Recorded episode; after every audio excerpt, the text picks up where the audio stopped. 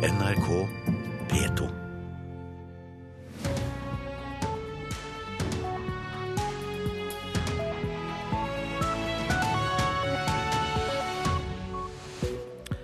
Viljar Hansen, en av de overlevende fra Utøya, kommer til Nyhetsmorgen. Hva syns han om at Breivik nådde fram i søksmålet mot staten?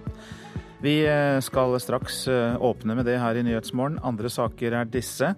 Det må bli slutt på penn og papir på eksamen. Gå inn i den digitale verden, er oppfordringen fra Norsk studentorganisasjon til universitetene. Vi skal også høre at innvandrere leker seg fram til norskferdigheter gjennom apper, dataspill og humor. Og de som jakter på ny jobb i Rogaland, kan glede seg over at mange andre bransjer er ute etter dem. Ja, Vidar Hansen, velkommen hit. I går ble jo den norske staten dømt for umenneskelig behandling av Anders Behring Breivik fordi han har sittet lenge i isolasjon og for andre forhold rundt soningen. Og du overlevde jo massakren på Utøya. Breivik skjøt deg fem ganger. Blind på ett øye og en arm som ikke fungerer. Da Hvordan reagerer du på det du hørte i går? Jeg reagerte først med sjokk og vantro og ble fysisk uvel. Jeg følte det som et, som et overgrep, rett og slett, mot oss alle. Mm. Du skrev på Twitter at staten er dømt til å betale for PR-showet til ABB. Hva legger du i det? At vi har vært veldig veldig flinke i den norske rettsstaten hele veien med å på en måte legge til rette for menneskeverd og for å se alle. og og vi har gjort akkurat som han har ønska, absolutt hele veien. Han får kommunisere med, med Han får samle høyreekstreme krefter, han får kommunisere, han får sørge for at han ikke blir glemt med å få ta opp saken sin, med å få sine minutter i spotlighten, med å få kjøre nazihilsen og med å snakke om Paradise Hotel og fotball og, eller, og, og Fjordland og hva han ikke snakker om. for å Nesten som han hadde planlagt lite sånn standup-show på starten av rettssaken. Så, så vi har gjort sånn som han vil. Og det fortsetter vi å gjøre. Så vi, vi gir og gir. Det skal vi ha. Men hva syns du da om at noen oppfatter dette som en seier for rettsstaten? Jeg tenker at vi har vært Jeg er som for ordnets skyld for rettsstaten og stolt av den norske rettsstaten i utgangspunktet, men jeg syns at nå har man kanskje vært politisk korrekt. Den tatt den politiske korrektheten og den, den norske etter hvert naivis, naivismen da, og snillismen litt vel langt det her er over alle støvleskaft, og det er bikka i grense nå på hvor, hvor, stolt og hvor flott og hvor, hvor sterkt i hermetegn rettsstaten skal stå. Ja. Noen vil jo kanskje mene at de smerter du har hatt og har, også virker inn på det du sier nå? Ja, altså jeg kan selvsagt umulig være objektiv i denne saken, men det tror jeg veldig få i Norge kan. Jeg tror at sånn rent kollektiv så er det ikke oss verdig at vi lar det her gå, at, at denne dommen ble som den ble. Um, um, altså, og det er jo betenkelig at min lillebror, som ble eh, jakta på, og så vennene sine, og så broren sin ble skutt på Utøya, for, fikk mindre i erstatning enn det AVB får av staten i, i, i ettertid. Det er betenkelig, tenker jeg. Hvordan mener du samfunnet bør håndtere Anders Behring Breivik? Han Han har jo blitt dømt. Jeg mener den originale rettssaken var, var svært god, og jeg syns det var veldig riktig. Jeg var sjøl og vitna der og følte det var en riktig god rettssak. Jeg tenker at når han da blir dømt, så kan han få lov til å, til å bli glemt, det som han ikke ønsker. Det er det jeg syns han kan få lov til å bli gjort med. Sånn at de ekte ofrene i denne saken faktisk kan få komme fram. Tian i hjel? Ja. Takk skal du ha, Viljar Hansen, som altså var en av de overlevende fra Utøya, og kommenterte denne dommen mellom staten og Anders Behring Breivik.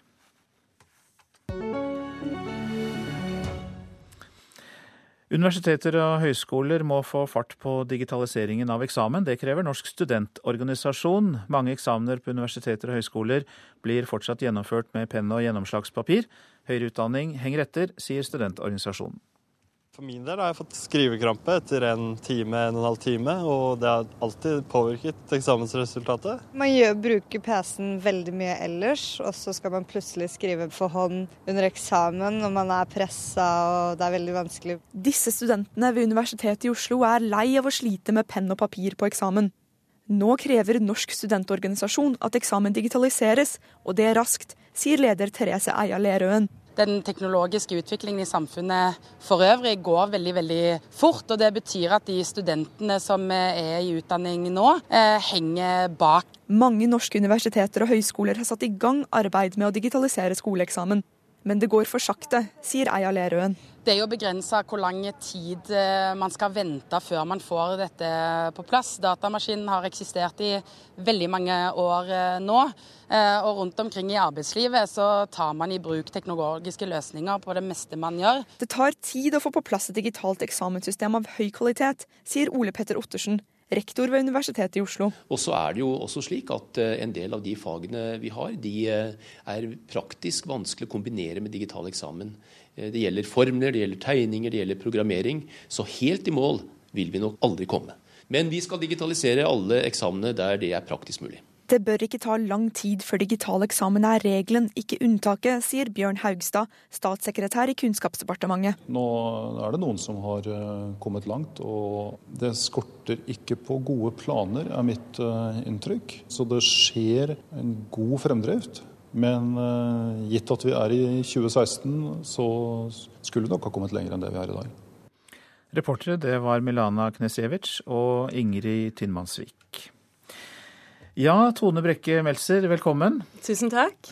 Dere er jo kommet lenger enn penn og papir eh, ved Bærum kommunale voksenopplæring? Ja, eh, det er flere klasser hos oss som, eh, hvor elevene har en iPad hver. og Bruker dette i undervisningen. Og I klassen jeg underviser, så har vi ikke lærebøker, men vi bruker iPader istedenfor. Ja, fordi apper, dataspill og humor, det inngår når innvandrere skal lære norsk hos dere. Og norskferdigheter er jo veldig viktig for å komme inn i eh, samfunnet. Og i disse dager så samles jo også 460 norsklærere, ledere og andre fagfolk til en konferanse om dette. Så derfor er du altså her, eh, Tone Brekke Meltzer. Og eh, ja, du sa jo litt om det, men hvordan kan da denne mye mer digitale og moderne måten lære bort norsk bedre? Ja, nei, altså den største fordelen med å bruke digitale verktøy, det er at du kan spille inn lyd. Og spesielt hvis, hvis du underviser elever som ikke kan latinske bokstaver, så kan man ikke gjøre seg nytte av uh, skrift i bøker. Og det er veldig sånn, lett at man når man lever, leverer ut en bok med bilder, så sier man gå hjem og les på ordene. Men du kan jo prøve selv å lese en bok på kinesisk med bilder, og prøve å, å lese deg til hvordan du skal lese disse ordene og uttale dem riktig. Men hvis du tar et bilde, uh, legger det inn i et program på en iPad, skriver inn tekst og leser inn lyden, så kan du fort få spill hvor du kan trykke på bildet, og så får du eh, lyden opplest riktig med en gang. På den måten så kan mange flere gjøre seg nytt, eller lære seg norsk før man egentlig har lært seg bokstavene også. Så det blir ikke bare underholdning dette her, da? Nei, det er ikke bare underholdning. Det er jo ikke det som er eh, hovedmålet ved at vi bruker det. Men det er klart det er en stor fordel at man også kan eh, eh, gjøre det motiverende. Man kan bruke flere undervisningsmåter. Så, så, det gjør ingenting at det er underholdende, men først og fremst så er det fordi at jeg har tro på at uh, elevene eller deltakerne lærer norsk fortere på denne måten. Mm. Altså, hvis jeg ikke kunne et kvekk norsk og kom til deg, og dette var første møte, ja. hvordan vil du bruke da disse hjelpemidlene du har eh, for å få meg i gang? Ja, altså De elevene jeg har, de stort sett kan de ikke engelsk, så det er bare norsk jeg kan bruke. Og det som jeg lener meg mest på da, det er egentlig bilder. Så jeg finner bilder på internett for å vise, sånn at jeg er sikker på at, eh, at de vet hva jeg snakker om. Og hvis jeg ikke hadde hatt eh, internett datamaskin eller iPad, så måtte jeg jo stått og mimet, eller tegnet, sånn som man måtte gjøre før. Sånn at det, det gjør det mye mer konkret. Mm. Hvordan stiller innvandrerne seg til disse formene for annerledes undervisning? Det kan hende at de er vant til noe helt annet og mer tradisjonelt der de kom fra? Ja, det er nok mange som har en forventning om at de skal få en bok, og som blir litt overrasket først over at de får en iPad istedenfor. Men jeg ser fort at de blir veldig fornøyde, og de ser jo at det er en måte å lære norsk veldig effektivt på. Og de ser jo også at vi, altså vi bruker programmet på internett, men vi bruker autentiske nettsteder så man kan finne informasjon, og dette er jo sånn som de trenger å gjøre når de kommer hjem. Altså bestille bussbillett, togbillett, finne hvor du kan kjøpe billigst mat, f.eks. Så vi, vi, får verden inn i klasserommet ved å bruke eh, f.eks. internett da, på, på, iPad. Det jeg lurer på er om eh, norsk skole og undervisning ellers eh, kan ha noe å lære av dere? Eh, Eh, ja, jeg vet jo også at norsk, i norskundervisning ellers også så er iPadene og nettbrett på vei inn. Så jeg tror vi kan lære av hverandre. Mm -hmm. Til slutt så er jeg også spent på hva innvandrerne syns om det å lære norsk. Altså hva som er det vanskeligste med, norsk, med vårt språk? Ja, jeg tror nok det første som en innvandrer vil si når du er helt fersk, det er at lydene er forskjellige. Og da er det jo spesielt vokalene som er vanskelig. Vi har mange vokaler, og i tillegg så har vi jo eh, lange og korte vokaler. Og da er det jo særlig sånn som ø og y og u som er veldig vanskelig. Og også sånn å høre forskjell på f.eks. For lønn og lån kan være vanskelig, fordi at ø, ø, ø og å høres likt ut, og kort og lang vokal høres likt ut. Så det er vanskelig å lage spørsmål. Eh, F.eks. at du sier 'bor du i Bærum', men de vil jo heller si 'du bor i Bærum', sånn at du må sette verbet først. Det er vanskelig å vite hvor det ordet ikke skal stå. Og i det hele tatt ordstilling i norsk er vanskelig. Mm -hmm. Ja, og det er jo viktig å vite forskjell på lån og lønn. Så ja, det er veldig viktig. skal du ut i arbeidslivet. Ja, det er det. Takk skal du ha, Tone Brekke Melser, som er altså lærer ved Bærum kommunale voksenopplæring og bruker alle disse hjelpemidlene. Så skal jeg si litt om det avisene er opptatt av. La oss eh, være ferdige med massemorderens kyniske utnyttelse av rettsstaten for å fremme sine syke politiske ideer. Det står det på Dagsavisens forside, og det er et sitat fra avisas kommentator Arne Strand. Dommen blir hard å fordøye for både Norge og resten av verden, sier Aftenpostens kommentator Harald Stanghelle, som også kommer hit til Nyhetsmorgen etter klokka sju. Dommen er en seier for advokat Øystein Storvik, skriver Klassekampen. Han fikk eh, medhold i at isolasjonen av Breivik utgjør en umenneskelig og nedverdigende behandling, men Breivik selv var mer opptatt av retten til privatliv og kravene om å drive et nazistisk parti, og disse kravene ble blankt avvist av retten, skriver avisa. Kutter 500 jobber i Forsvaret, det er oppslaget i Dagens Næringsliv. Ni baser legges ned når Forsvaret slankes i den nye langtidsplanen fra regjeringen. Matjuks på populære restauranter i Oslo, Buskerud og Vestfold, avslører VG. Ved hvite duker og under tunge lysekroner så ble luksusretter byttet ut med billigmat. Sjøtunge ble billig asiatisk oppdrettsfisk. Villsvin var vanlig gris. Reinsdyrfilet var hjort. VG har utført testene ved hjelp av DNA-prøver. Nasjonen forteller om yoghurtkamp i dagligvarebutikkene. Nå kaster kumeieriene seg inn i kampen om gresk yoghurt. Vi har som mål å skyve importyoghurten ut av Norge. Det sier direktør Bent Myrdal. Ikke bare kristne sender sine barn på kristne privatskoler, er oppslaget i Vårt Land. Nå vil disse skolene kartlegge elevers trosbakgrunn for å knuse mytene om kristne skoler. Offer for maktbruk, maktmisbruk i menighetene. Avisa Dagen skriver om usunt lederskap i kristne miljøer. Ruth Irén Grimstad forteller om sin tid i en menighet der hun ikke fikk lov å stille kritiske spørsmål, og det man sa i fortrolighet kunne senere bli brukt fra talerstolen.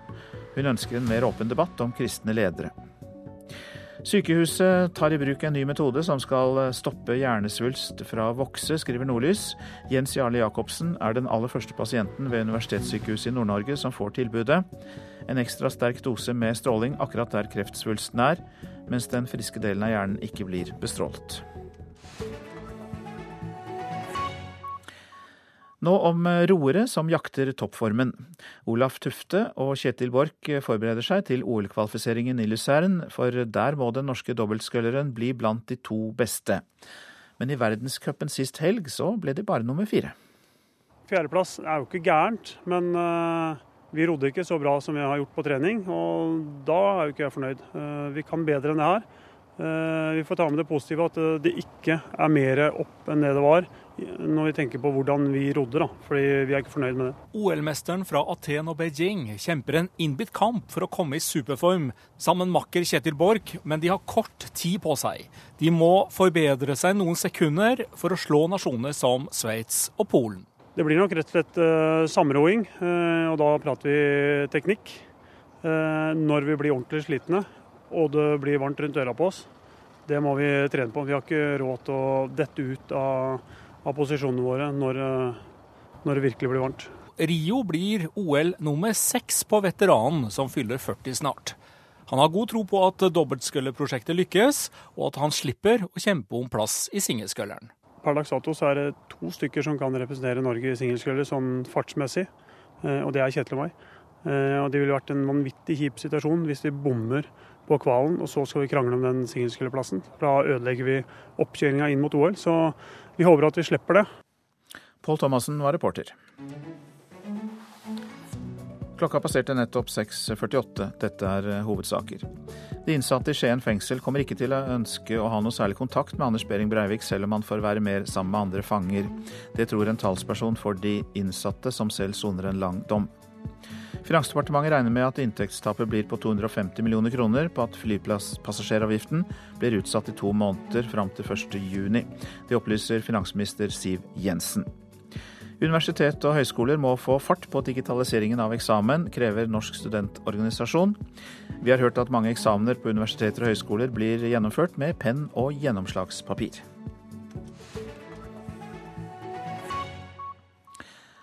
De som jakter på ny jobb i Rogaland kan glede seg over at mange andre bransjer er ute etter dem. Nav i fylket har doblet antall formidlingsoppdrag til næringslivet sammenlignet med i fjor. Og ofte er det ledige stillinger som ikke blir utlyst, eh, som de kan tilby arbeidsledige fra oljebransjen, forteller leder av Nav marked Nord-Rogaland, Elisabeth Lie Nilsen. Mange næringer går veldig bra, og noen er det sånn halvfrynset. Så jeg tenker bildet her er jo ganske nyansert. Det er særlig innenfor helse og omsorg og eksportretta bedrifter at Nav merker at det er bedre tider. Faktisk er antall formidlingsoppdrag i mars i år fordobla fra mars i fjor, og tallene er så høye at det er rekord. Det er økt tilgang på stillinger, og det er økt tilgang på stillinger òg hos Nav. Så vi merker, merker, at det skjer ting selv om det er tøffe tider akkurat i, i oljebransjen. Der skjer det ikke sånn kjempemye. Et formidlingsoppdrag består i at en bedrift kontakter Nav for å finne egnede kandidater til ledige stillinger i sin database av arbeidssøkere. Og Li Nilsen understreker derfor viktigheten av å ha registrert en skikkelig CV hos Nav.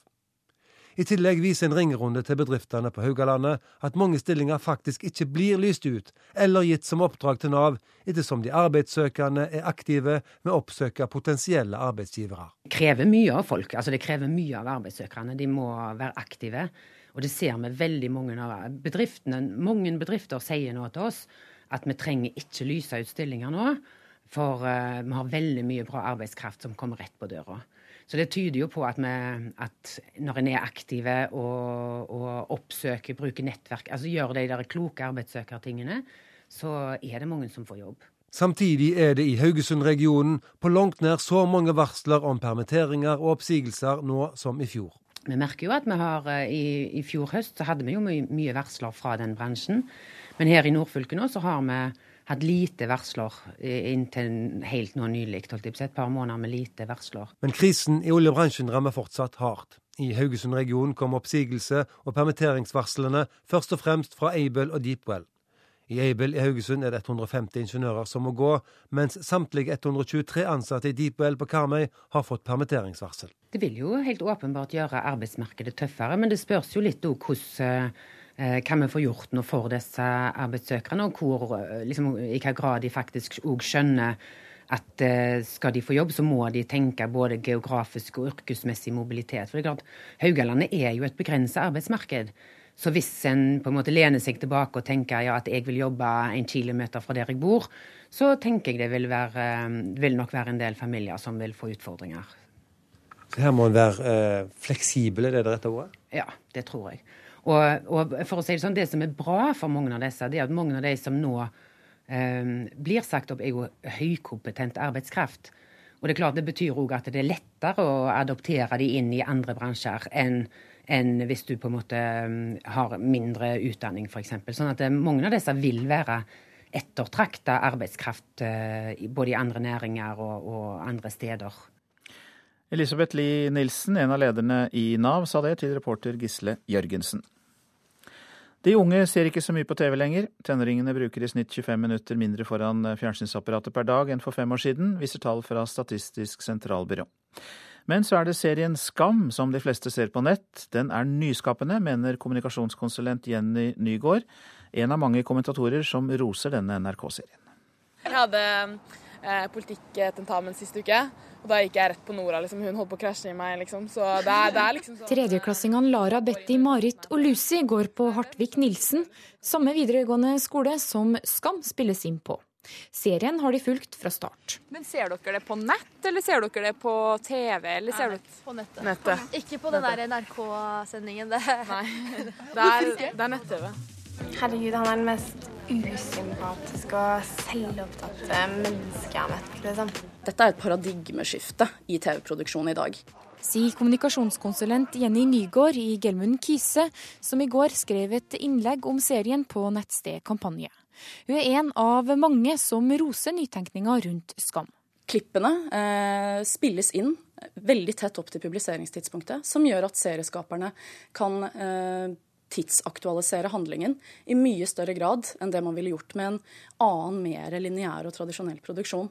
Serieskaperen er også veldig opptatt av å ta stemningsrapporter i sosiale medier og tilpasse historien deretter. Over 300 000 nordmenn har fulgt de fem tenåringsjentene i seriens andre sesong, viser NRKs egne tall. Det store flertallet ser serien som klipp på nett, og ikke som et eget TV-program fredagskveld. I tillegg til daglige klipp på nett er det også mulig å følge hovedkarakterene på Instagram og Facebook. Sånn sett så tilfredsstiller de den instant satisfaction-mentaliteten som man har vokst opp med eh, i internettgenerasjonen. Hvor man er vant til å få ting mer eller mindre på bestilling. Og lineær TV vil stå overfor eh, noen ganske dramatiske valg i tiden som eh, kommer.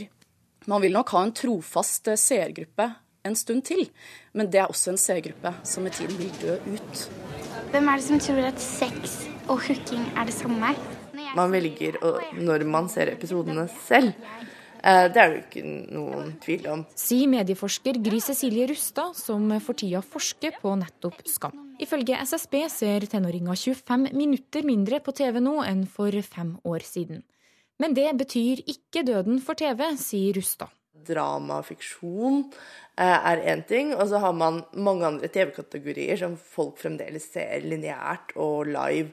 F.eks. sportssendinger. Altså Fotball-VM-finalen samler én milliard mennesker samtidig i hele verden. Nyhetssendinger er også et eksempel på dette som folk ser. Altså Når det skjer store ting i verden, så vil folk flokke seg rundt vanlige lineære TV-sendinger og se nyhetene. Reporter, det var Marit Gjelland. Nå til en av verdens største og mest omtalte festivaler. Coachella Valley Music and Arts Festival i California. I år er det hele fire norske elektronikaartister på festivalen, og det imponerer den amerikanske musikkbransjen.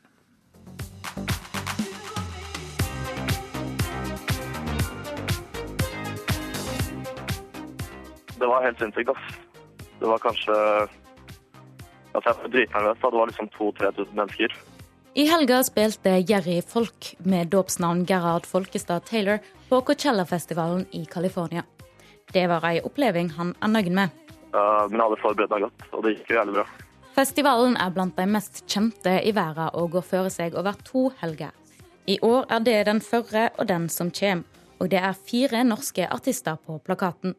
Jerry Folk, Matoma, Lemaitre og Lido. Ja, de gjorde det dritbra alle sammen. Spilte for helt liksom packed scener. Packed publikum. Det var dritfett å se på.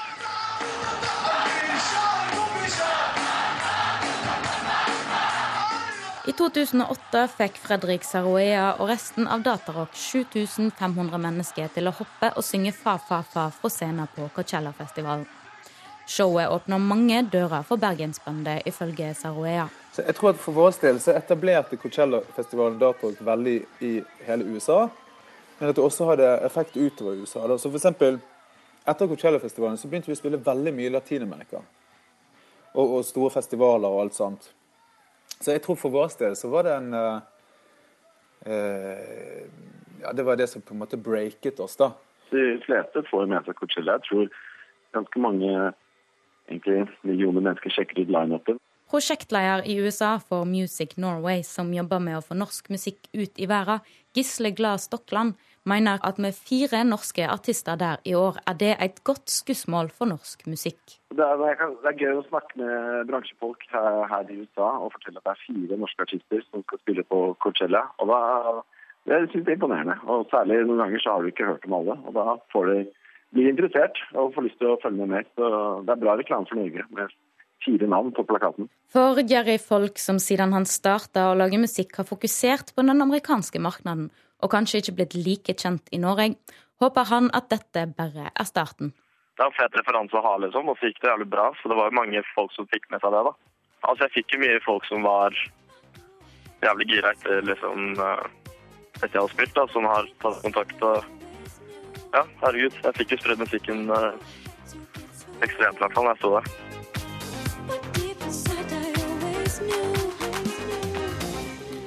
Og det var reporter Maria Piles Svåsand som fortalte om den, de norske artistene på Coachella Valley Music and Arts Festival. Så var det værvarselet. Fjell i Sør-Norge. Vest og nordvest stiv kuling og snøbyger. Østafjells liten nordvest kuling utsatte steder. Stiv kuling nær Lindesnes. En del sol blir det, men tordenbyger i grensetraktene. For Vestlandet og Trøndelag blir det nordvestlig stiv kuling utsatte steder. Mest vind blir det nord for Trondheimsfjorden. Regnbyger kan de vente seg der, snøbyger i fjellet, torden på Nordvestlandet. Nordland sør i fylket sørvestlig liten kuling. Det blir regnbyger, snøbyger i høyereliggende strøk. Lite nedbør rundt Vestfjorden, riktignok. Men Troms og Finnmark, der blir det mye pent vær i dag. Pålandsvind i Varanger gir riktignok litt skyer. Og Spitsbergen snø i sørøst, ellers oppholdsvær og litt sol.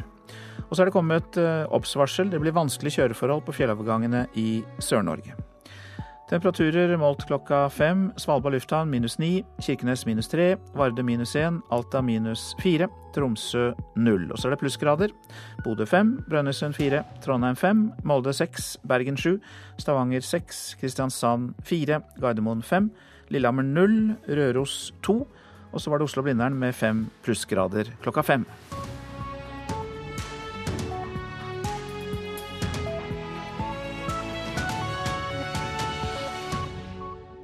NRK P2. Den norske snillismen går over alle støvleskaft, sier Utøya-overlevende etter at staten ble dømt for umenneskelig behandling av Behring Breivik. Og verdens eldste monark fyller 90 år i dag.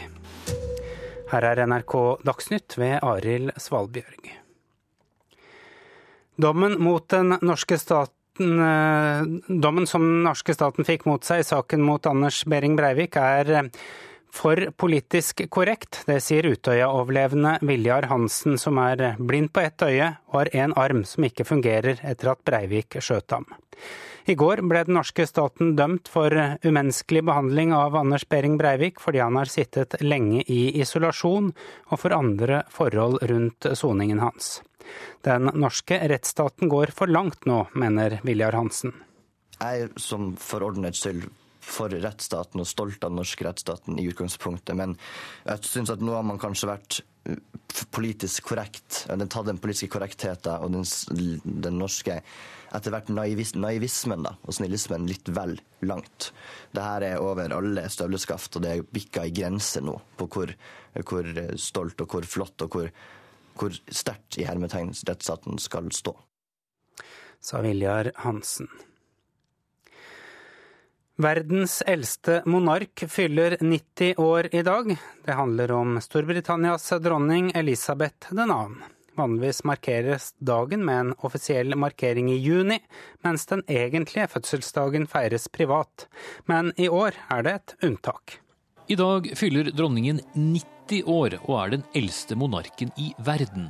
Den lengst levende monarken i britisk historie, og den britiske monarken som har sittet lengst på tronen.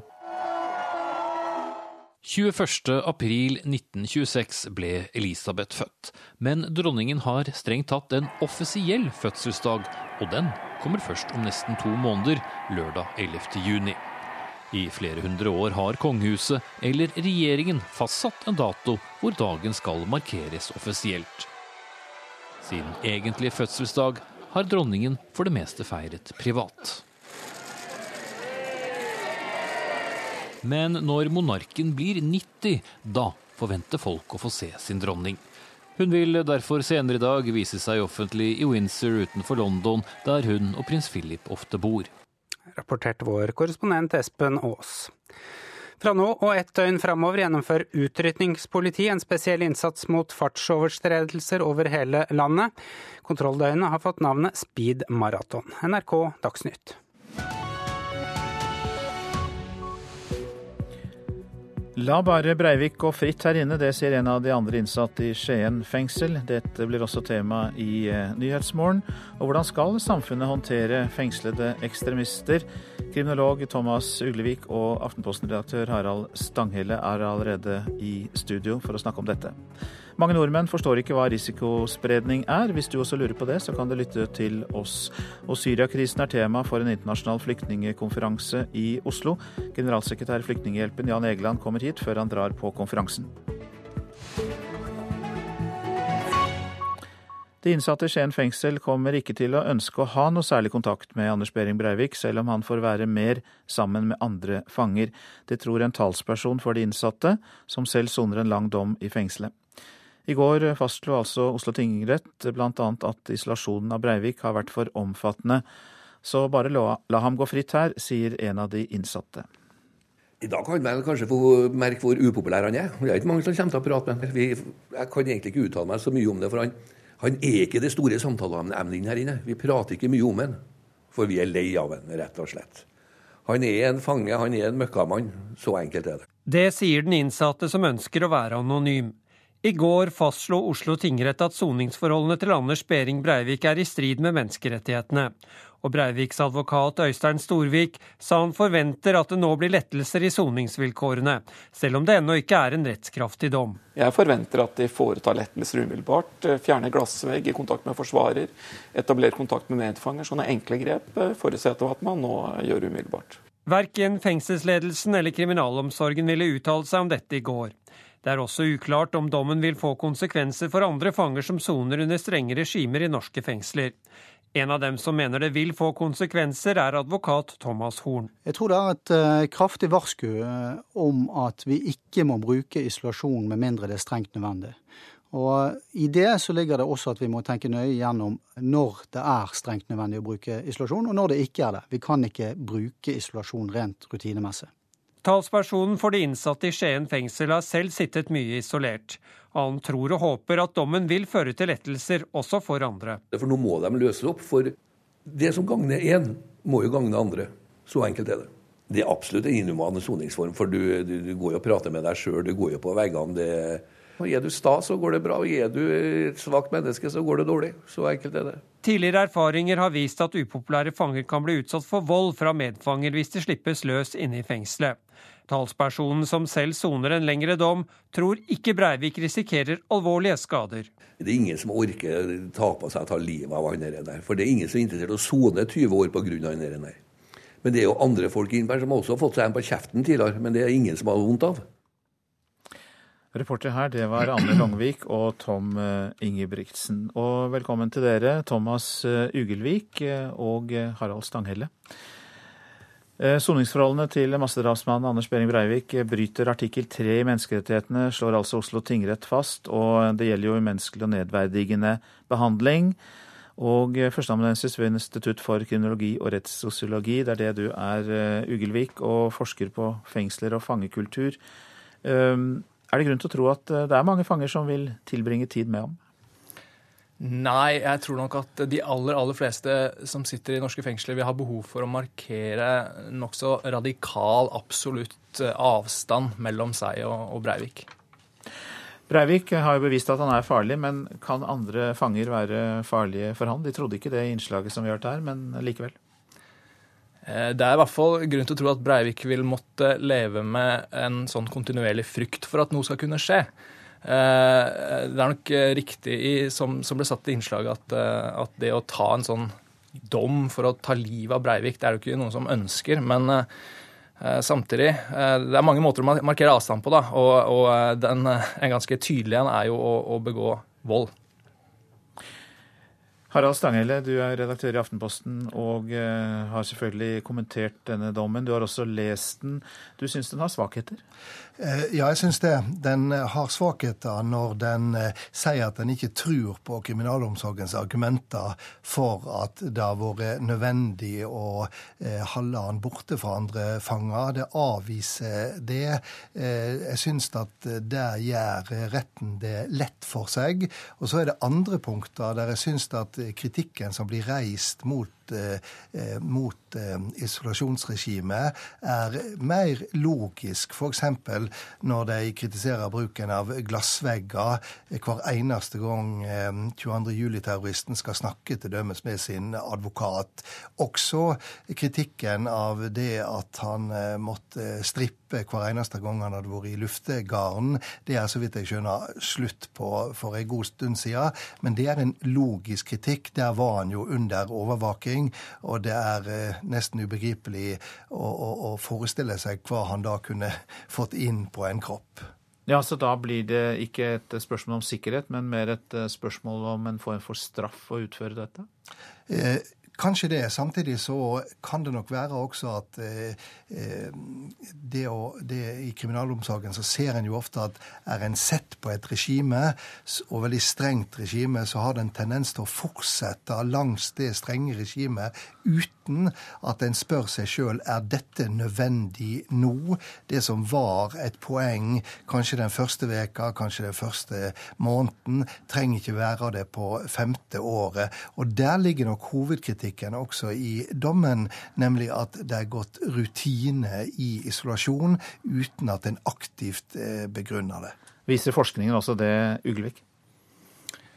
Eh, altså Kriminalomsorgen som system er jo, er jo, vant til en type worst case-tenkning. Og, og, eh, det er klart, Breivik selv har jo lagt opp til at uh, man skal tenke sånn.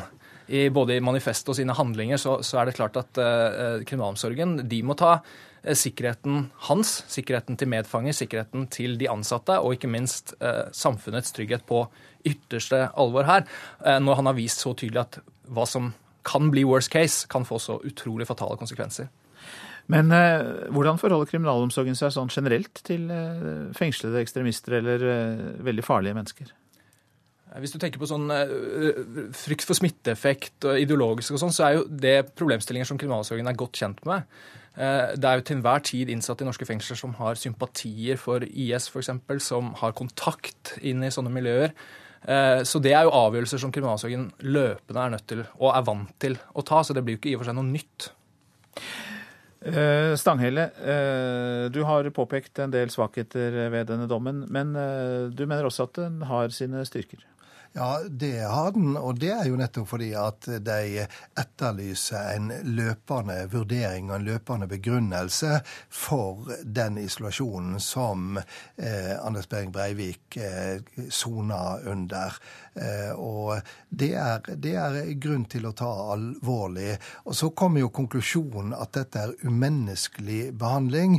Eh, og der tror nok jeg at det hadde vært fullt mulig for retten å rette kritikk på konkrete punkter uten å dømme den norske stat for umenneskelig behandling.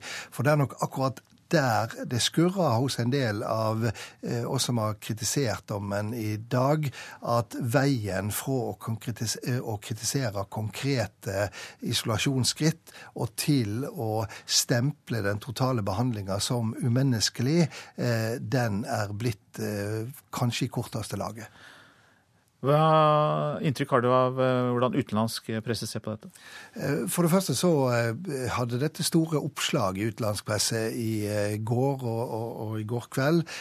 Og så tror jeg nok det er riktig å si at de skjønner overhodet ikke denne dommen. Og jeg ser jo at enkelte større utenlandske medier har jo hengt opp Eh, henger seg opp i ikke i hovedsaker, men i kuriositeter, og nærmest framstiller det som at det er, er 22. Eh, juli-terroristens klage over kald kaffe og, og, og to uh, ganger Fjordland på, på, rad, at det er det som han er, er, har fått medhold i, at det er så umenneskelig. Og det blir jo helt en karikatur. Samtidig så må vi tenke på at behandlinga i norske fengsler, hvis du sammenligner sammenligner det f.eks. med, med, med eh, amerikanske fengsler, eh, er jo helt utrolig stor forskjell på. Det er som himmel og helvete. Og det er nok litt av grunnen til at f.eks. ei storavis som The New York Times eh, har gjort mye ut av dette. Akkurat, akkurat som de gjorde mye ut av presentasjonen av de tre ulike rommene som eh, Anders Behring Breivik sona på, og framstilte det nærmest som en slags studenttilværelse. Til slutt til dere begge, Ylvik Stanghelle. Tror dere dommen blir anket? Jeg tror det er veldig sannsynlig. Ja, jeg tror nok det. Fordi at eh, alternativet det er jo at den norske stat godtar at behandlinga eh, er umenneskelig, og det i ei sak som ikke er eh, hvem som helst fange. Det er en fange som også er et symbol, og det kan slå i begge retninger. Takk skal dere ha. Det var Harald Stanghelle du hørte til slutt der, redaktør i Aftenposten. og... Førsteamanuensis ved Institutt for kriminologi og rettssosiologi, eh, Thomas eh, Ugelvik. Takk skal dere ha. Vi har eh, gode kunnskaper om penger og finans her i landet, de fleste av oss. I hvert fall hvis vi måler våre kunnskaper i gjennomsnitt. Men på ett område så henger vi etter, viser en forskningsrapport utarbeidet for Organisasjon for økonomisk samarbeid og utvikling, OECD. Og eh, et av områdene vi scorer dårlig på, er kunnskap om eh, risikospredning, altså spre våre penger på flere uavhengige investeringer. Og det er både overraskende og uheldig, sier leder i stiftelsen Aksje-Norge, Lene Refvik. Det å spre sin risiko gjør jo at man eh, i mindre grad vil få tap på sine investeringer. Det er jo to ting som er viktig at folk forstår. Det er både at man skal øke sin avkastning på sin sparing, men det er òg hvordan minimere risiko i forhold til at eh, den sparinga skal vokse over tid, og at man ikke skal risikere tap underveis. På tross av svært lave bankrenter har nordmenn ti ganger så mye penger i bank som i aksjer. Vi er rett og slett langt mer konservative i sparingen enn i mange andre land. En fersk undersøkelse om finanskunnskap utført for OECD kan muligens gi en liten pekepinn på hvorfor. For selv om nordmenn gjennomgående gjør det godt i undersøkelsen, på punktet om risikospredning havner vi langt nede på lista, slått av bl.a. Litauen, Portugal og Albania. For bare 59% av nordmenn ser ut til å forstå forstå at det som regel er mulig å redusere risikoen i aksjemarkedet gjennom å kjøpe flere enkeltaksjer eller ett eller flere aksjefond. Man tar gale investeringsbeslutninger hvis man ikke forstår dette godt nok. og Derfor er det viktig å bidra til økt kunnskap. Sier leder i Finans Norge, Idar Kreutzer. Han mener det at mange ikke forstår hvordan man reduserer risikoen i aksjemarkedet, gjør at mange dropper aksjer helt, noe som igjen går utover bl.a. sparing til egen pensjon. Man ser ut til å ta litt for lav risiko, eh, spare litt for mye eh, langsiktig i helt trygge spareformer, som f.eks. Eh, bankinnskudd, og dermed få lavere avkastning og lavere forventet pensjon fremover. Daglig leder Lene Refvik i stiftelsen Aksje-Norge etterlyser en nasjonal strategi for å øke kunnskapen om personlig finans. Sånn at vi skal kunne tilpasse oss ikke bare de omstillingene som er i næringslivet, men òg de omstillingene som er for oss personlig i det vi er i en litt mer utrygg situasjon enn det vi har sett på lang tid i Norge. Administrerende direktør Bjørn Slåtto i Eika kapitalforvaltning mener på sin side at fondsbransjen sjøl må ta noe av skylda for at mange ikke forstår. Vi er veldig flinke på å snakke stammespråk. Gjerne i forkortelser, gjerne internasjonale ord. Eh, bruke kompliserte ord om ting som kan sies mye enklere. Eh, og så tør eh, folk flest ikke å rekke opp hånda og, og stille spørsmål hva betyr det. Sånn vi, vi, har vært litt for opptatt av hva vi sjøl er opptatt av, og ikke så opptatt av hva kundene er opptatt av. Eh, det tror jeg at fremveksten av gode digitale løsninger, sosiale medier, ny måte å kommunisere, kommunisere på, kommer til å rette opp i det problemstillinga. Reporter, det var Halvard Norum. Dette er Nyhetsmorgen. Klokka er snart 7.17, eh, og vi har disse hovedsakene. La bare Breivik gå fritt her inne, det sier en av de innsatte i Skien fengsel, som ikke tror at de andre i fengselet ønsker å ha noen særlig kontakt med ham. Det må bli slutt på penn og papir på eksamen. Gå inn i den digitale verden, er oppfordringen fra Norsk studentorganisasjon til universitetene. Og vi skal høre at verdens eldste monark fyller 90 år i dag. Mer om det snart. Men først om at Norges forsvarsevne blir betydelig svekket ved å kutte. Det mener Norges offisersforbund. Ifølge Dagens Næringsliv foreslår forsvarsminister Ine Eriksen Søreide bl.a. å kutte 1500 stillinger i Forsvaret for å spare penger. Og nestleder i Offisersforbundet Torbjørn Bongo er skuffet. Her er retninga gal. Her faller forsvarsbudsjettet videre. Forsvarsbudsjettet burde økt. Men ifølge utkastet til Forsvarets langtidsplan er det satt av 25 milliarder kroner mindre til Forsvaret enn forsvarssjefens fagmilitære råds anbefaling. Ifølge Dagens Næringsliv foreslår forsvarsministeren nå å spare milliarder ved å kutte 1100 militært ansatte og 450 sivile. Også ni militærbaser blir foreslått lagt ned. Det ser nok sånn ut at det er Nord-Norge som blir tøffest ramma, i hvert fall når vi ser på de operative avdelingene. Eh, kutt i Hæren, kutt av Kystjegerkommandoen, eh, kutt eh, på Heimevernet og Sjøheimevernet. Men samtidig så ligger det nok også inne kutt i en del sånne her støttefunksjoner. Og det treffer resten av landet relativt likt fordelt. I en e-post til NRK skriver forsvarsminister Ine Eriksen Søreide. Vi skal ha en betydelig satsing på Forsvaret i den kommende langtidsperioden. Det er et langvarig etterslep på drifts- og vedlikeholdskostnader som vi har arva fra tidligere regjeringer. Videre forteller hun at visjonen for langtidsplanen skal legges fram for Stortinget i vårsesjonen. Reportere Harald Berre og Marit Gjelland. I dag arrangeres en stor flyktningkonferanse i Oslo om utfordringer og muligheter for å gi beskyttelse til folk på flukt fra krig og katastrofer, og FNs høykommissær for flyktninger, Filippo Grandi, er en av talerne. Flyktninghjelpen er arrangør og generalsekretær der, Jan Egeland. God morgen til deg. God morgen. I går ble 500 syke og sårede evakuert fra de belærede syriske byene. Hva gjorde dere i går? Jo, Det var et sjeldent lyspunkt i den svarte krigen i Syria. Eh, dette er noe jeg er involvert i ved at jeg har en FN-hatt eh, og er rådgiver for eh, Syria-meglingen i Genéve.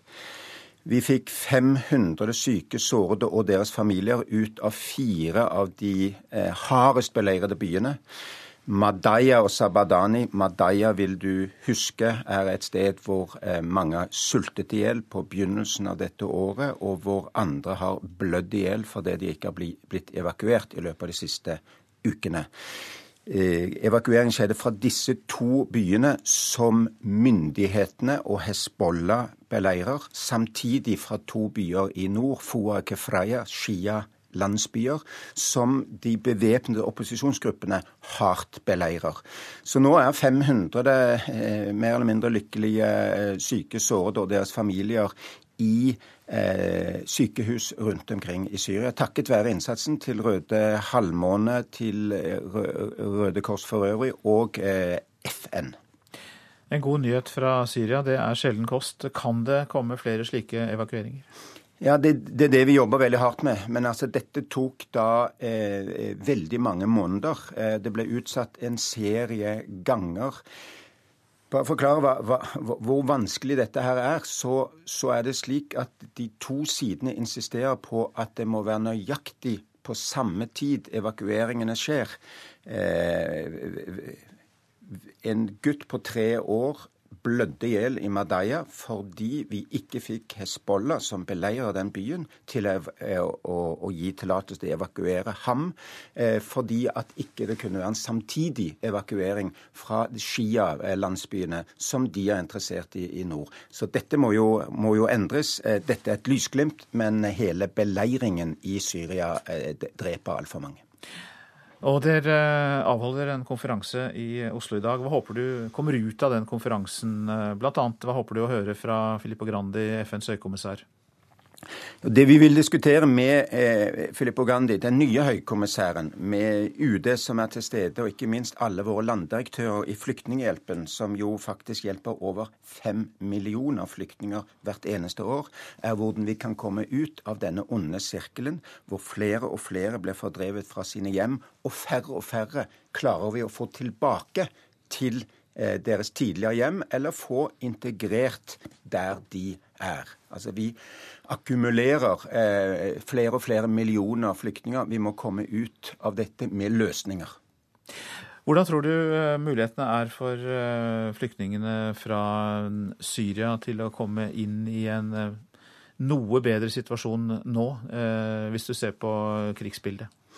Det, 2016 har utvilsomt vært bedre enn 2014 og 2015, som var helsvarte. Vi gjør framgang. Jeg leder en gruppe av eh, land i Genéve som nettopp jobber for at at hjelp skal komme inn i de beleirede byene, i de vanskelig tilgjengelige områdene. Og eh, tilsvarende gruppe jobber for denne eh, våpentilstanden som delvis holder. Men vi er veldig langt fra de politiske gjennombruddene som vi trenger for å få fred. Og løsningen i Syria, det er jo fred. Da kan mennesker dra tilbake, og da slipper nye å, bli, å, å flykte. Men i mellomtiden så må europeiske land og andre ta imot kvoteflyktninger. For nabolaget er smekkfullt, og eh, fortvilede mennesker står på grensen av Syria og kommer ikke ut. Det er realitetene som vi altfor ofte lukker øynene til. Mange takk skal du ha, Jan Egeland, generalsekretær i eh, Flyktninghjelpen. Nå til Ecuador. Der mobiliserer folk over hele landet for å samle inn nødhjelp. FN anslår at 21 000 hjemløse ecuadorianere trenger husly etter jordskjelvet lørdag. I tillegg til de drøyt 500 som er bekreftet døde, så er jo tusenvis skadd. Og nå jobber frivillige over hele landet for å samle inn mat og vann. Folk samles rundt flere biler med blinklysene på ved en parkeringsplass i byen Cuenca sørøst i Ecuador. Bildene fra et amatøropptak NRK har fått tilsendt, viser voksne og barn som småløper med pappesker bort til bilene. Det haster. De som overlevde jordskjelvet, trenger mat og vann for å klare seg. Vi sender ris, hermetikk, nudler, alt som ikke blir ødelagt av heten, sier ecuadorianske Juanita Bersosa. Hun leder et statlig kontor som hjelper fattige, men som nå er blitt til et midlertidig nødhjelpskontor. Bersosa sier at det skjer lignende innsamlingsaksjoner over hele landet.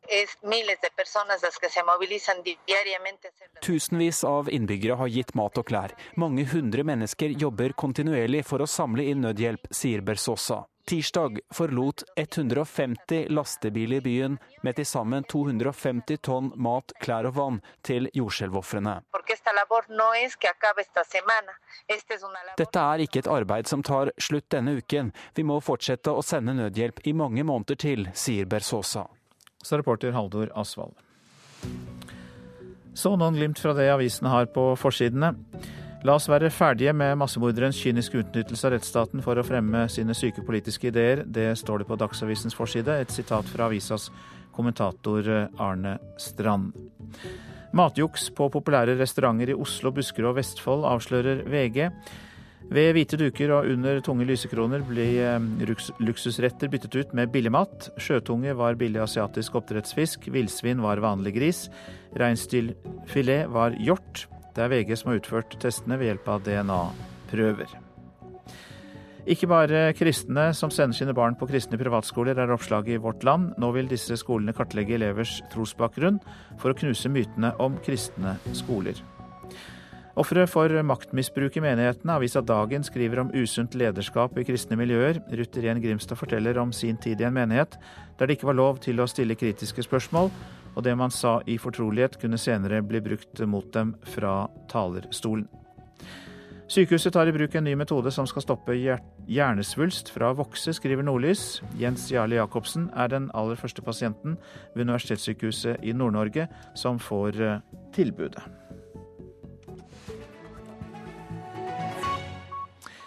Verdens eldste monark fyller 90 år i dag. Det handler selvfølgelig om Storbritannias dronning Elisabeth 2. Vanligvis eh, markerer eh, dagen eh, Det skjer offisielt i juni, mens den egentlige fødselsdagen feires privat. Men i år er det et unntak.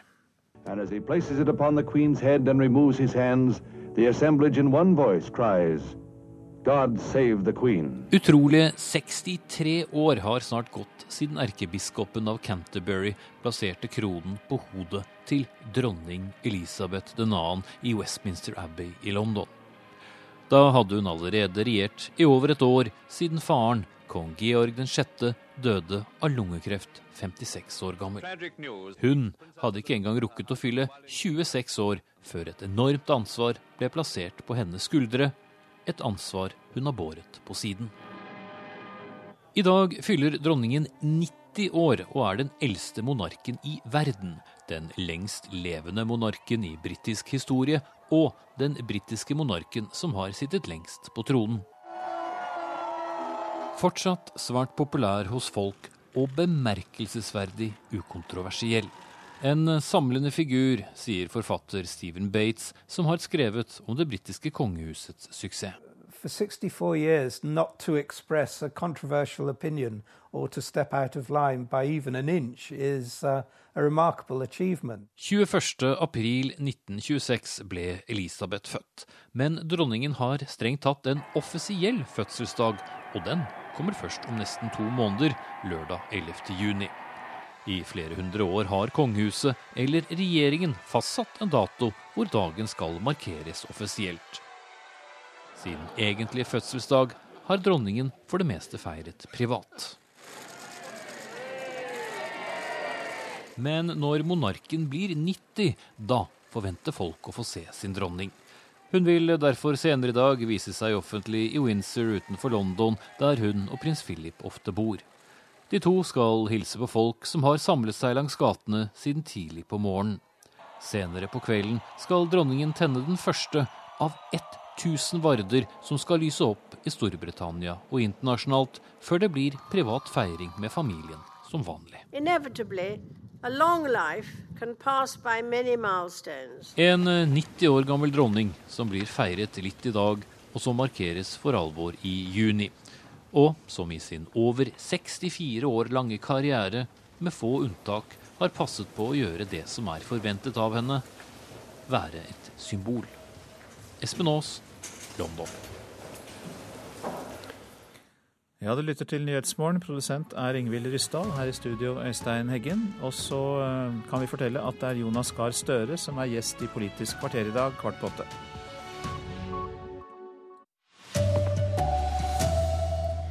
Få fanger vil snakke med Breivik, tror talsmann for de innsatte i Skien fengsel. Penn og gjennomslagspapir hører ikke hjemme på eksamen i 2016, mener Norsk studentorganisasjon. Og nordmenn taper mye penger fordi de ikke forstår seg på aksjesparing. Her er NRK Dagsnytt ved Arild Svalbjørg. Klokka er 7.30. De innsatte i Skien fengsel kommer ikke til å ønske å ha noen særlig kontakt med Anders Behring Breivik, selv om han får være mer sammen med andre fanger. Det tror en talsperson for de innsatte, som selv soner en lang dom i fengselet. I går fastslo Oslo tingrett bl.a. at isolasjonen av Breivik har vært for omfattende. Bare la ham gå fritt her inne, sier den innsatte. I dag kan man kanskje få merke hvor upopulær han er. Det er ikke mange som kommer til å prate med ham. Jeg kan egentlig ikke uttale meg så mye om det. for han han er ikke det store samtaleemnet her inne. Vi prater ikke mye om han, for vi er lei av han, rett og slett. Han er en fange, han er en møkkamann. Så enkelt er det. Det sier den innsatte som ønsker å være anonym. I går fastslo Oslo tingrett at soningsforholdene til Anders Behring Breivik er i strid med menneskerettighetene. Og Breiviks advokat Øystein Storvik sa han forventer at det nå blir lettelser i soningsvilkårene, selv om det ennå ikke er en rettskraftig dom. Jeg forventer at de foretar lettelser umiddelbart. Fjerner glassvegg i kontakt med forsvarer, etablerer kontakt med medfanger. Sånne enkle grep forutsetter at man nå gjør umiddelbart. Verken fengselsledelsen eller kriminalomsorgen ville uttale seg om dette i går. Det er også uklart om dommen vil få konsekvenser for andre fanger som soner under strenge regimer i norske fengsler. Talspersonen for de innsatte i Skien fengsel har selv sittet mye isolert. Han tror og håper at dommen vil føre til lettelser også for andre. For nå må de løse opp, for det som gagner én, må jo gagne andre. Så enkelt er det. Tidligere erfaringer har vist at upopulære fanger kan bli utsatt for vold fra medfanger hvis de slippes løs inne i fengselet. Talspersonen som selv soner en lengre dom, tror ikke Breivik risikerer alvorlige skader. Det er ingen som orker ta på seg å ta livet av han der. For det er ingen som er interessert i å sone 20 år pga. han der. Men det er jo andre folk innenfor som også har fått seg en på kjeften tidligere, men det er ingen som har vondt av. Reportere Anne Lognvik og Tom Ingebrigtsen. Thomas Ugelvik, du er førsteamanuensis ved Institutt for kriminologi og rettssosiologi og forsker på fengsler og fangekultur. Er det grunn til å tro at de andre fangene vil holde seg unna Breivik? Det er nok grunn til å tro at Breivik vil ha store problemer med å få seg nye venner i, i fengselet hvis han nå skal ut i fellesskapet. Jeg tror nok som talsmannen også sa på innslaget her, at de aller, aller, aller fleste innsatte i norske fengsler vil tvert imot ha et betydelig behov for å markere avstand og, og at de på en måte er noe annet og, og, og ikke er en som han. Men kan de være farlige for Breivik? Ja, det kan nok også, også, skje. Det er viktig å si at norske fengsler ikke er noen sånne voldsregimer eh, som man kan se fra amerikanske filmer, men en uh, trussel om at noe kan skje når som helst, det vil nok i hvert fall Breivik måtte leve med. Og så er det noen som vil være redde for at Breivik får til å omvende andre fanger til sitt verdenssyn, slik han har planlagt. Hva tror du om det? Ja, det er i hvert fall grunn til å tro at han vil prøve. I hvert fall Hvis vi skal tro manifestet hans, så, så, skriver han jo side opp og side ned om at det er et langsiktig mål. sånn at det, det, må vi jo forvente. Nå er ikke det en helt ny problemstilling for norsk kriminalomsorg. Det sitter jo innsatte i norske fengsler som har både sympati for og tilknytning til IS f.eks. Sånn at de avgjørelsene de må kriminalomsorgen ta hele tiden. Hvem kan sitte sammen med hvem? Hva er tegn på radikalisering, hva kan vi gjøre? Sånn at det, det, det er de jo vant til. Takk skal du ha, Thomas Ugelvik eh, ved Universitetet i Oslo. Universiteter og høyskoler må få fart på digitaliseringen av eksamen. Det krever Norsk studentorganisasjon. Mange eksamener på universiteter og høyskoler blir fortsatt eh, gjennomført med penn og gjennomslagspapir. Høyere utdanning henger etter, sier NSO. For min del har jeg fått skrivekrampe etter en time, en og en halv time, og det har alltid påvirket eksamensresultatet. Man gjør, bruker PC-en veldig mye ellers, og så skal man plutselig skrive for hånd under eksamen. Disse studentene ved Universitetet i Oslo er lei av å slite med penn og papir på eksamen. Nå krever Norsk studentorganisasjon at eksamen digitaliseres, og det er raskt. Mange norske universiteter og høyskoler har satt i gang arbeid med å digitalisere skoleeksamen men det går for sakte, sier leder Therese Eia Lerøen. Det er jo begrensa hvor lang tid eh, man skal vente før man får dette på plass. Datamaskinen har eksistert i veldig mange år eh, nå. Eh, og rundt omkring i arbeidslivet så tar man i bruk teknologiske løsninger på det meste man gjør. Det tar tid å få på plass et digitalt eksamenssystem av høy kvalitet, sier Ole Petter Ottersen, rektor ved Universitetet i Oslo. Eh, en del av de fagene vi har, de eh, er praktisk vanskelig å kombinere med digital eksamen. Eh, det gjelder formler, det gjelder tegninger, det gjelder programmering. Men vi skal digitalisere alle eksamene der det er praktisk mulig. Det bør ikke ta lang tid før digital eksamen er regelen, ikke unntaket, sier Bjørn Haugstad, statssekretær i Kunnskapsdepartementet. Det skjer en god fremdrift. Men gitt at vi er i 2016, så skulle vi nok ha kommet lenger enn det vi er i dag. Reportere her Milana Knesevic og Ingrid Tinnmannsvik. Norges forsvarsevne blir betydelig svekket ved å kutte, mener Norges offisersforbund. Ifølge Dagens Næringsliv foreslår forsvarsminister Ine Eriksen Søreide bl.a. å kutte 1500 stillinger i Forsvaret for å spare penger. Nestleder i Offisersforbundet, Torbjørn Bongo, er skuffa. Her er retninga gal.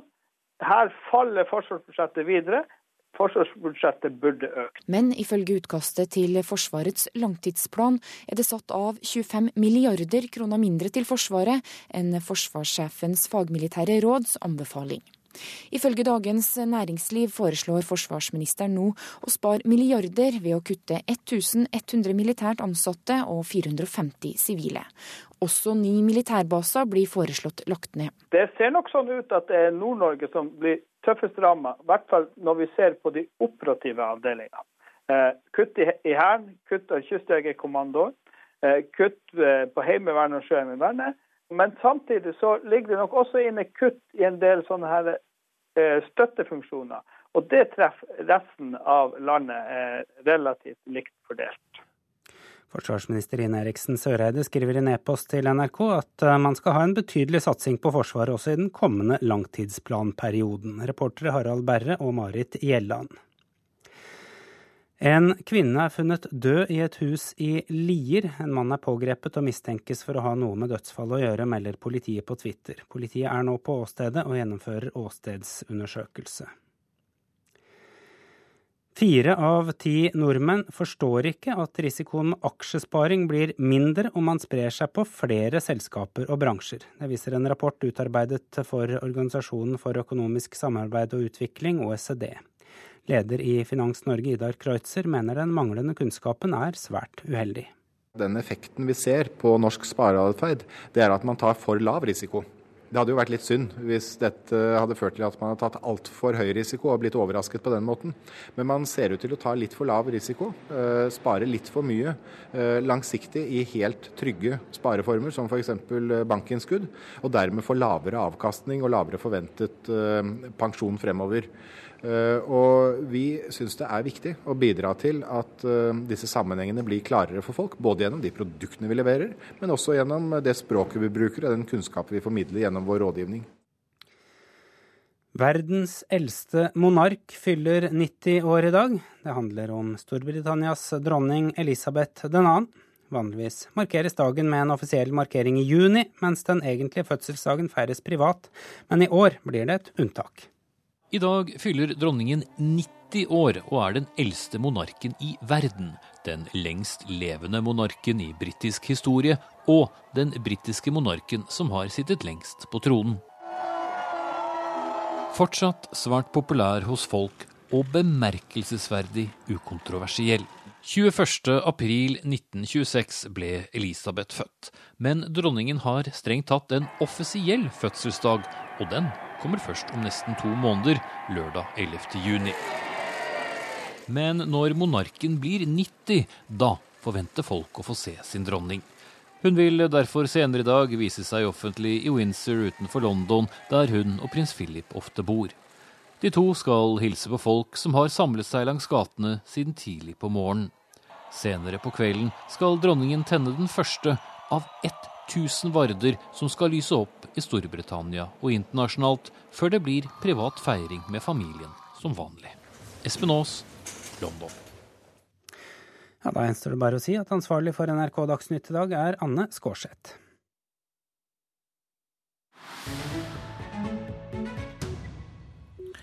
Og dette er eh, Nyhetsmorgen. Et ubåtbesøk vekker oppmerksomhet i Sydney. Det vekker også minner fra 1942.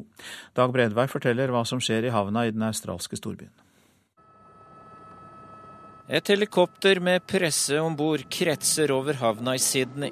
Mediene ønsker bilder av et fartøy som skaper oppmerksomhet. Ved kai ligger en ubåt, en fremmed lands ubåt med et mannskap som er invitert denne gang. Dette er lyden av en ubåt på 150 meters dyp. Sist en ubåt fra Japan opererte i dette farvannet utenfor Sydney, var i 1942. For 74 år siden var fartøyet ikke like velkommen som i dag. Det sto bak et angrep rettet mot det australske marinefartøy Cuttable. I angrepet ble 21 australske marinesoldater drept. Japanske marineoffiserer i prat i havna i Sydney denne uka. De er opptatt av historien. Våre forgjengere fra andre verdenskrig ville nok aldri trodd at en dag ville den japanske marinen bli invitert til havna i Sydney. Det sier admiral Rio Sakai der han står i en mørk blå marineuniform på havna i Australias største by og økonomiske hovedstad. Our predecessors never expected 74 years ago. Den japanske offiseren som leder marinesoldatene som er om bord i en ubåt og to overflatefartøyer, er henrykt over besøket i havna i Sydney. I'd like to express my appreciation for this visit coming to fruition.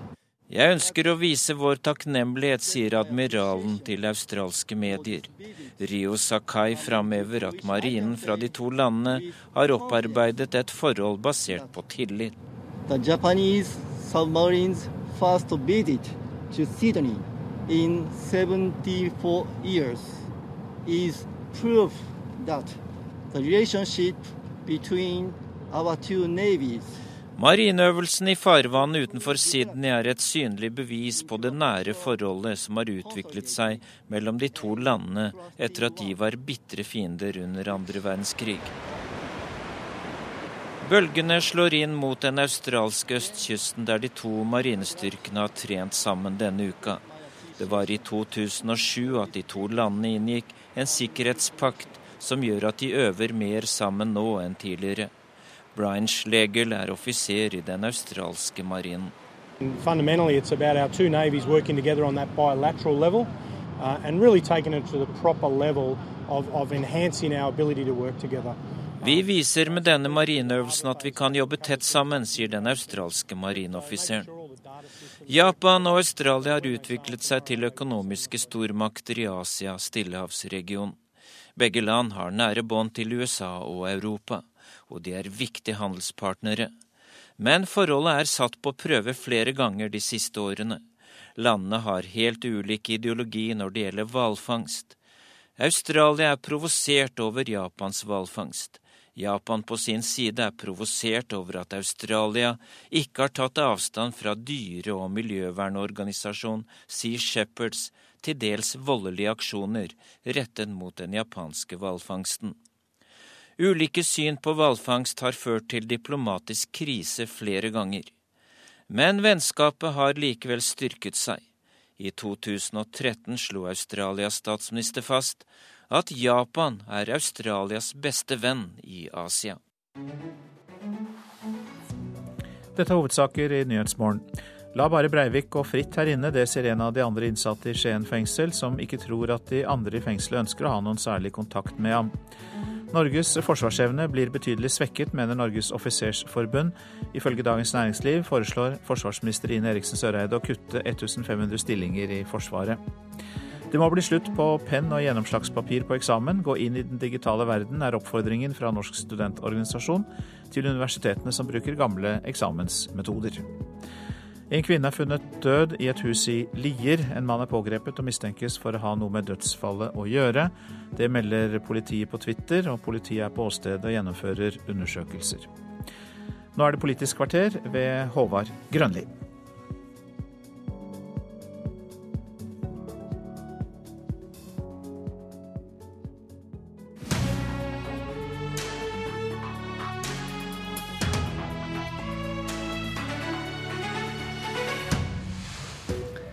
Hvordan kan Arbeiderpartiet være så sikker på at deres medisin faktisk gir mindre arbeidsløse?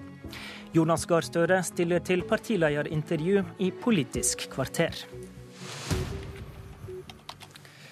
Etter Politisk kvarter-tradisjonen intervjuer vi partilederne som har landsmøte. I mellomvalgsåret i år er det fire av stortingspartiene som ikke har eh, landsmøte, men Politisk kvarter er rause og har invitert også dere. Så velkommen hit, appellær Jonas Gahr Støre. Tusen takk. Det er fem år siden angrepet på Arbeiderpartiet Ungdom på Utøya.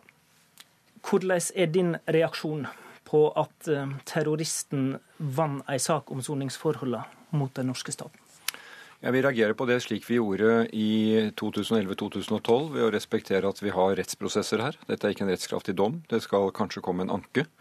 og Derfor skal jeg være varsom med å eh, kommentere selve dommen. Men jeg vil jo si på en dag som denne at når den norske stat dømmes for umenneskelighet overfor dette mennesket, eh, så skjønner jeg at det er veldig mange som reagerer. For hva er det igjen da av ord eh, i forhold til hva som skjedde 22.07? Og jeg hørte den ene rammede fra Utøya i dag tidlig, og mange andre. Eh, og jeg tror vi skal ha en stor forståelse at for dem er dette eh, sterke døgn å oppleve. Vi skal gå til eh, de store utfordringene som vi har i samfunnet vårt i dag. Arbeidsplasser. Hvorfor skal vi tro på at Arbeiderpartiets politikk vil skape flere arbeidsplasser enn regjeringa sin politikk? Jeg reiser mye rundt og besøker arbeidsplasser, og særlig de delene av landet som nå er rammet, og som opplever en arbeidsledighetskrise. Eh, kvinner og menn som mister jobben, familier som rammes, lokalsamfunn som rammes. Vi kan ikke skru oljeprisen tilbake, og regjeringen kan ikke holde seg ansvarlig for den. Men hvordan møter vi den krisen? Der er det forskjellige svar. Og Derfor så mener jeg at eh, Arbeiderpartiets eh, opplegg for å møte den krisen med en kraftigere og større tiltakspakke som setter i gang prosjekter som kan få folk i arbeid, få bedrifter i aktivitet. Eh, eh, sterkere satsing på kommunenes rolle til å være en viktig tilrettelegger eh, både av oppussing av bygg og på arbeidssiden. Og gjennom ett år arbeide for et permitteringsregelverk som gjorde det mulig for bedriftene å permittere fremfor å si opp. Klare forskjeller til regjeringens politikk, som er tilbakeholden og som bruker skattekuttene som sin fremste strategi, og det virker ikke. Derfor er det forskjell i den politikken, og det ville virket og ha gitt også ulike resultater.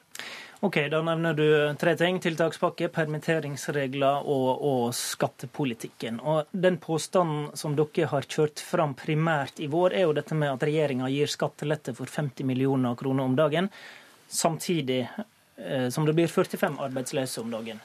Men hvordan kan vi vite at noen av disse 45 som mister jobben daglig, vil beholde jobben hvis arbeidsgiveren deres får mer i skatt?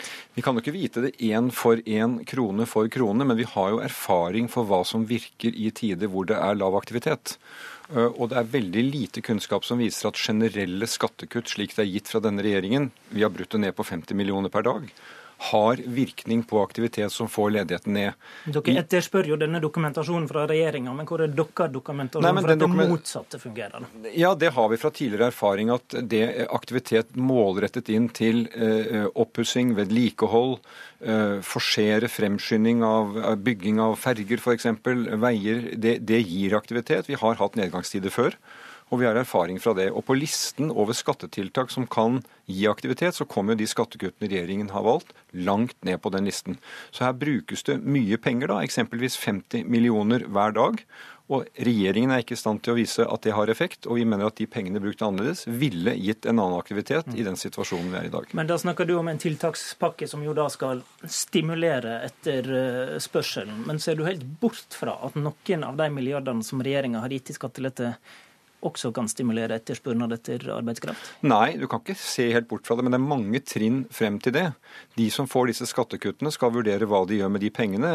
Jeg hører bedrifter som sier at da kunne de reinvestert disse pengene, og jeg er ikke i tvil om at noen ville vurdere det. Men det er en altfor lite målrettet bruk av så mye penger i en slik situasjon. Men hvorfor må etterspørselen komme fra det offentlige, da? Nei, det må ikke komme fra, eh, fra, det offentlige. Altså, eh, I Norge totalt sett i dag så er det jo ikke en etterspørselskrise. I deler av landet så er det en aktivitetsnedgang som er så alvorlig at du får 140 000 arbeidsledige, og tallet stiger. Og Da er poenget hva er det som raskt kan sørge for at ikke vi mister disse ut av arbeidsmarkedet, at de blir gående langtidsledige og kanskje aldri kommer tilbake. Og Det er jo et neste trinn i dette også. Det er jo noe som jeg mener vi en av de store reformene vi kommer til å trenge i årene som kommer. En kompetansereform som handler om å kunne gi de som mister jobb, de som står utenfor arbeidsmarkedet, flyktninger og alle som trenger oppdatering av kunnskap, få den kunnskapen, bruke ressurser på det i bedriftsintern opplæring eller på våre læreinstitusjoner, slik at vi kvalifiserer for arbeidsmarkedet. Det er bedre bruk av pengene enn det regjeringen har lagt opp til. Hvor mye må regjeringa komme med i revidert budsjett i kampen mot arbeidsløse for at du ikke skal si for lite og for seint? Jeg har ikke tallfestet det. Revidering av budsjett er jo at man justerer et allerede vedtatt budsjett. Det er ikke der de store satsingene kommer. Men jeg legger jo til grunn at med den utviklingen som har vært på arbeidsmarkedet, særlig i de delene av landet, langs kysten, Sør-Vestlandet, Vestlandet, at det kommer tiltak som, eh, som virker der. Eh, vi eh, kommer til å følge nøye hva regjeringen legger frem der, og gjør også selv våre egne forslag når det kommer i mai-juni. Ok, Da får vi vente på det. Du nevnte også permitteringsreglene, som du jo har bedt om lenge. Eh, det blir nå gjennomført eh, av regjeringa som en konsekvens av lønnsoppgjøret i frontfaget, der eh, bedriftene skal få lov til å permittere i opptil et år. Men da er jo regjeringa og Ap sin politikk på dette området blitt lik. Har du da noe vesentlig alternativ til regjeringa? Dette er en situasjon vi må følge nøye. Jeg, jeg registrerer jo at regjeringen ble slept til dette. Det var jo partene som tvang det gjennom. Og helgen før dette kom, så sa jo nesten et samstemt Høyre at det var de imot. Det var å låse folk inne i jobbene sine. Vi mener at den politikken som var, var å låse altfor mange uh, ute. Uh, men så skal vi jo følge nøye med å se hva som trengs i situasjonen. I fjor på denne tiden etterlyste vi en ungdomspakke mot ungdomsledigheten. Den nektet regjeringen var nødvendig inntil den snudde og kom med en ungdomspakke.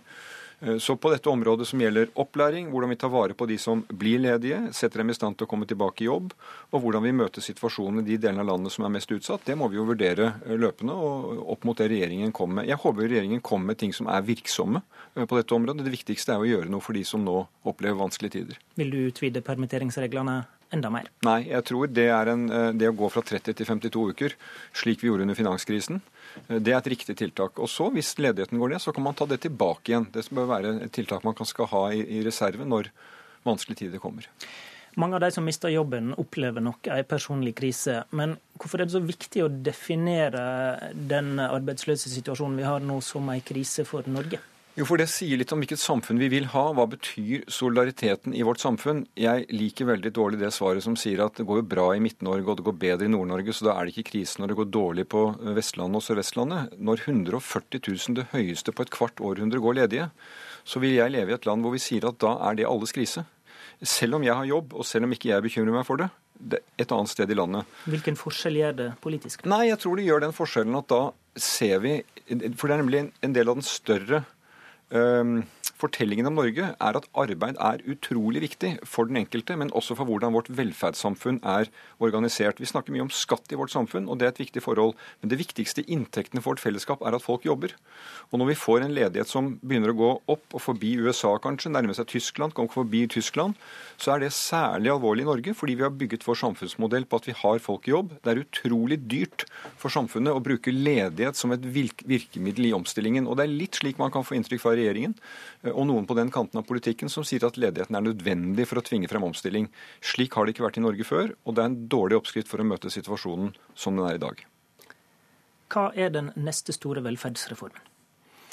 Jeg hører regjeringen sier at nå er det ikke tid for de store reformene. Det er jeg uenig i. Jeg tror det er tid for store reformer. Det ene er på arbeidsfeltet. Kampen mot ledigheten er jo ikke akkurat en reform, det handler om en politisk vilje. Men jeg tror dette med å kunne uh, hindre useriøse tilstander i arbeidslivet, bekjempe sosial dumping, det krever et krafttak. Så er jeg opptatt av at vi trenger en kompetansereform. Uh, og Det handler om at vi skal kunne få den opplæringen og utdanningen gjennom livet. Børste støv av begrepet livslang læring. Det snakker vi mye om. og Vi, vi trenger et ordentlig løft for det, for at vi kan faktisk kvalifisere for et arbeid hvor teknologien kommer til å endre seg vesentlig. Og så er jeg opptatt av, eh, på feltet eh, velferd, eh, skole, kunnskap. Der gjennomførte vi et stort løft i barnehagesektoren for å sørge for at barn fikk en god start i livet. Nå vet vi at de som begynte på skolen i fjor høst, så vil 15 000 av de ungene sannsynligvis ikke gjennomføre videregående opplæring. Og når de kommer dit, så er det sannsynligvis ikke jobbe for dem, fordi vår økonomi endrer seg. Da trenger vi å flytte dette løftet til en tidlig innsatsløft på helse og kunnskap i skolen. Det er det jo gjøres... akkurat det samme begrepet som statsminister Erna Solberg brukte i sin landsmøtetale. Ja, men det var altså flere måneder og år etter at vi har snakket om en lang linje i dette. Vi gjorde et målrettet løft på barnehagene, fikk Norge opp fra langt ned til høyt opp. Nå må vi gjøre det løftet også innenfor skolen. Det er en stor reform. Og så la meg si til sist, Vi trenger en reform for å få et klima- og bærekraftig samfunn.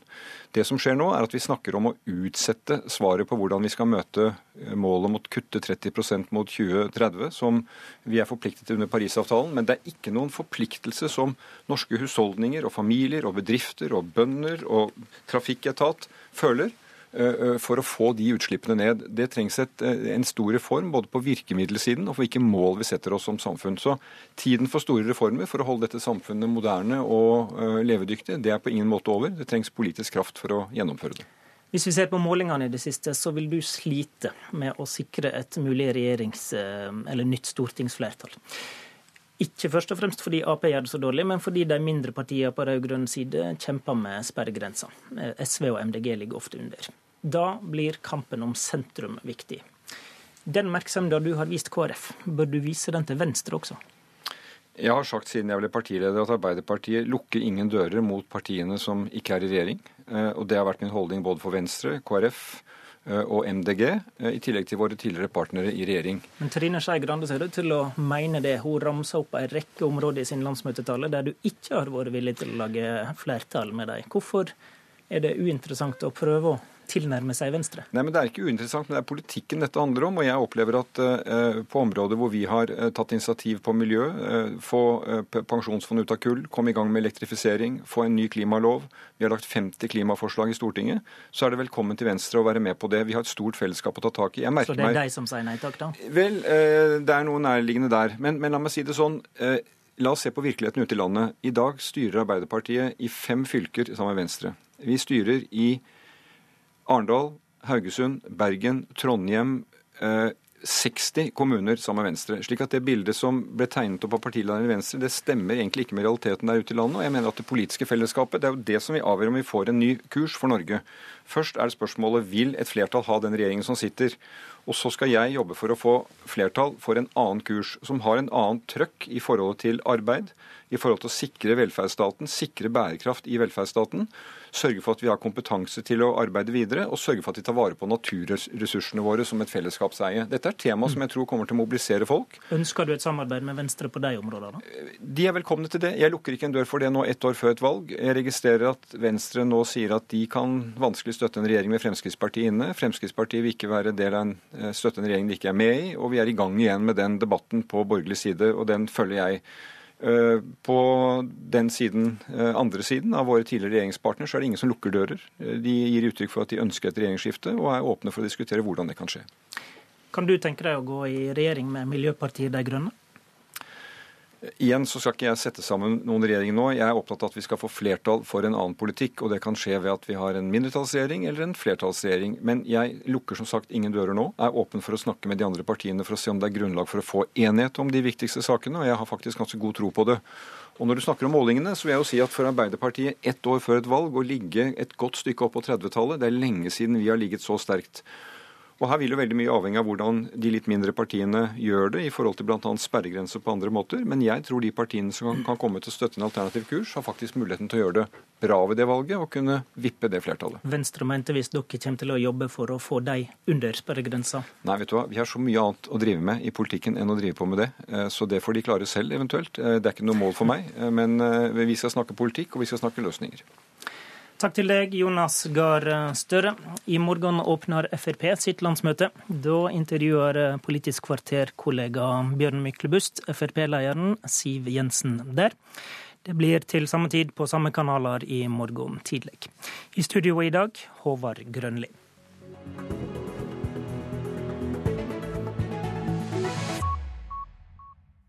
Hør flere podkaster på nrk.no podkast.